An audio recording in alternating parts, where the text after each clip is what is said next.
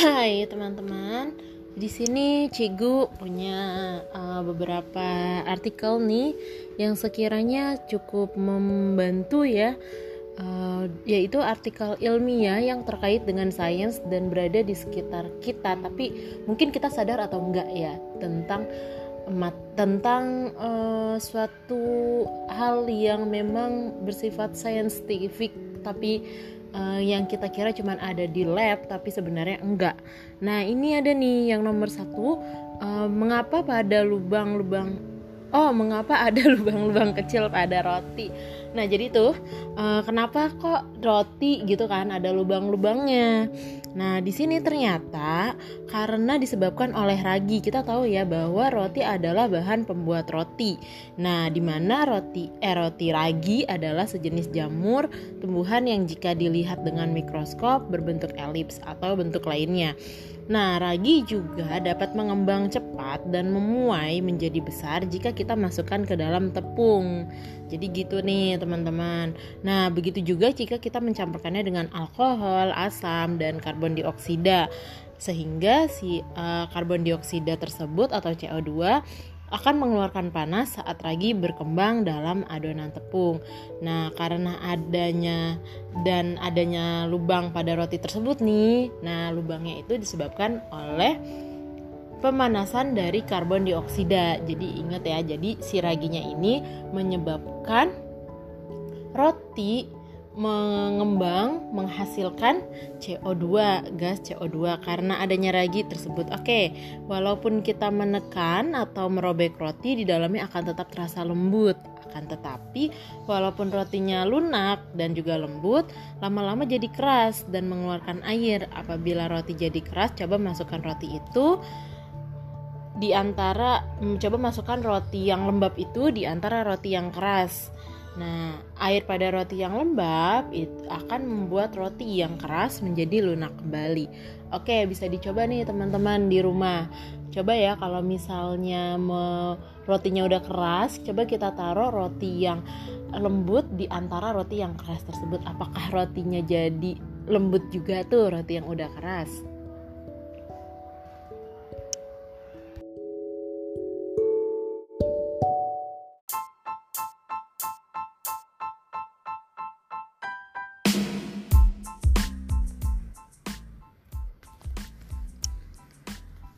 Hai, di sini uh, Cikgu mau bagi hal nih yang mana hal ini nih uh, berkaitan dengan kalian yang memang suka pergi ke pantai atau mungkin ke laut. Dan kalian bisa juga uh, mungkin uh, yang senang sama laut atau mungkin tinggalnya di per pesisir laut. Nah, di sini Cikgu mau bagi tahu mengapa air laut asin.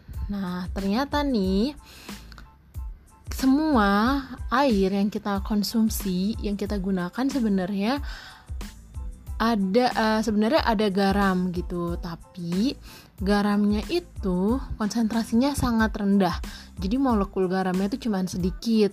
Nah, karena rendah jadi rasa asin pada air pada air yang kita konsumsi mm, tidak terlalu berasa. Nah, sedangkan rasa asin pada air laut itu dapat disebabkan oleh beberapa faktor. Jadi, faktor yang pertama, eh, kenapa air laut asin yaitu pada saat terjadi hujan di daratan air dari langit jatuh dan meresap ke dalam tanah.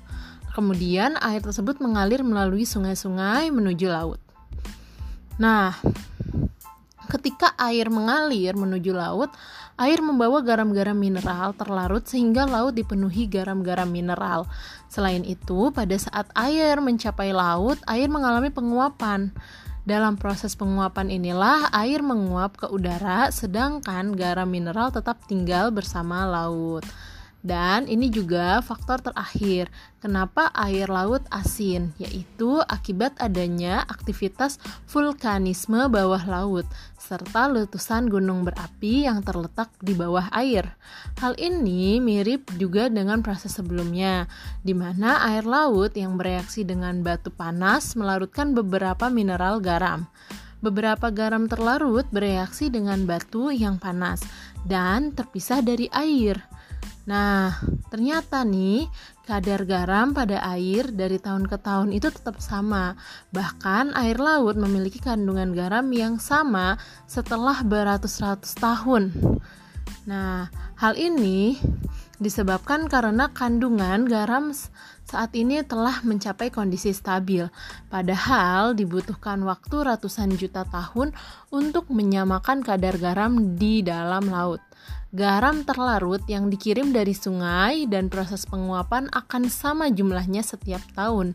Hal ini disebabkan oleh siklus hidrologi yang terus-menerus tidak berhenti.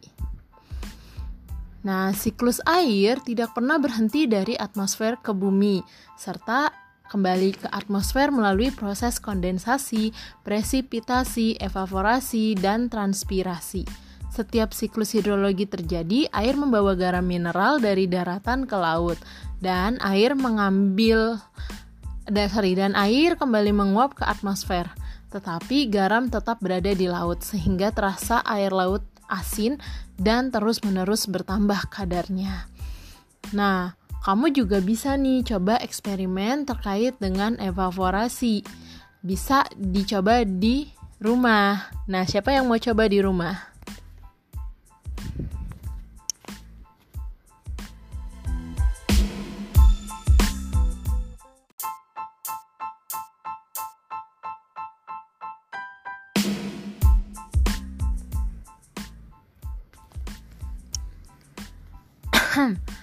Hai, di sini uh, Cikgu mau bagi hal nih yang mana hal ini nih uh, berkaitan dengan kalian yang memang suka pergi ke pantai atau mungkin ke laut. Dan kalian bisa juga uh, mungkin uh, yang senang sama laut atau mungkin tinggalnya di per pesisir laut. Nah, di sini Ciku mau bagi tahu mengapa air laut asin. Nah, ternyata nih semua air yang kita konsumsi, yang kita gunakan sebenarnya ada uh, sebenarnya ada garam gitu, tapi garamnya itu konsentrasinya sangat rendah. Jadi molekul garamnya itu cuma sedikit. Nah, karena rendah jadi rasa asin pada air pada air yang kita konsumsi mm, tidak terlalu berasa. Nah, sedangkan rasa asin pada air laut itu dapat disebabkan oleh beberapa faktor. Jadi, faktor yang pertama, eh, kenapa air laut asin yaitu pada saat terjadi hujan di daratan air dari langit jatuh dan meresap ke dalam tanah. Kemudian air tersebut mengalir melalui sungai-sungai menuju laut. Nah, Ketika air mengalir menuju laut, air membawa garam-garam mineral terlarut sehingga laut dipenuhi garam-garam mineral. Selain itu, pada saat air mencapai laut, air mengalami penguapan. Dalam proses penguapan inilah air menguap ke udara, sedangkan garam mineral tetap tinggal bersama laut. Dan ini juga faktor terakhir, kenapa air laut asin, yaitu akibat adanya aktivitas vulkanisme bawah laut, serta letusan gunung berapi yang terletak di bawah air. Hal ini mirip juga dengan proses sebelumnya, di mana air laut yang bereaksi dengan batu panas melarutkan beberapa mineral garam. Beberapa garam terlarut bereaksi dengan batu yang panas dan terpisah dari air. Nah, ternyata nih kadar garam pada air dari tahun ke tahun itu tetap sama. Bahkan air laut memiliki kandungan garam yang sama setelah beratus-ratus tahun. Nah, hal ini disebabkan karena kandungan garam saat ini telah mencapai kondisi stabil, padahal dibutuhkan waktu ratusan juta tahun untuk menyamakan kadar garam di dalam laut. Garam terlarut yang dikirim dari sungai dan proses penguapan akan sama jumlahnya setiap tahun. Hal ini disebabkan oleh siklus hidrologi yang terus-menerus tidak berhenti.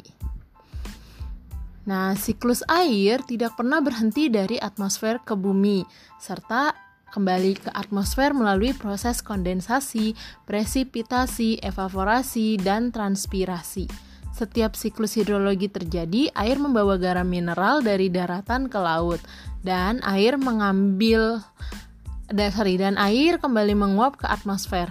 Tetapi garam tetap berada di laut sehingga terasa air laut asin dan terus-menerus bertambah kadarnya. Nah, kamu juga bisa nih coba eksperimen terkait dengan evaporasi. Bisa dicoba di rumah. Nah, siapa yang mau coba di rumah?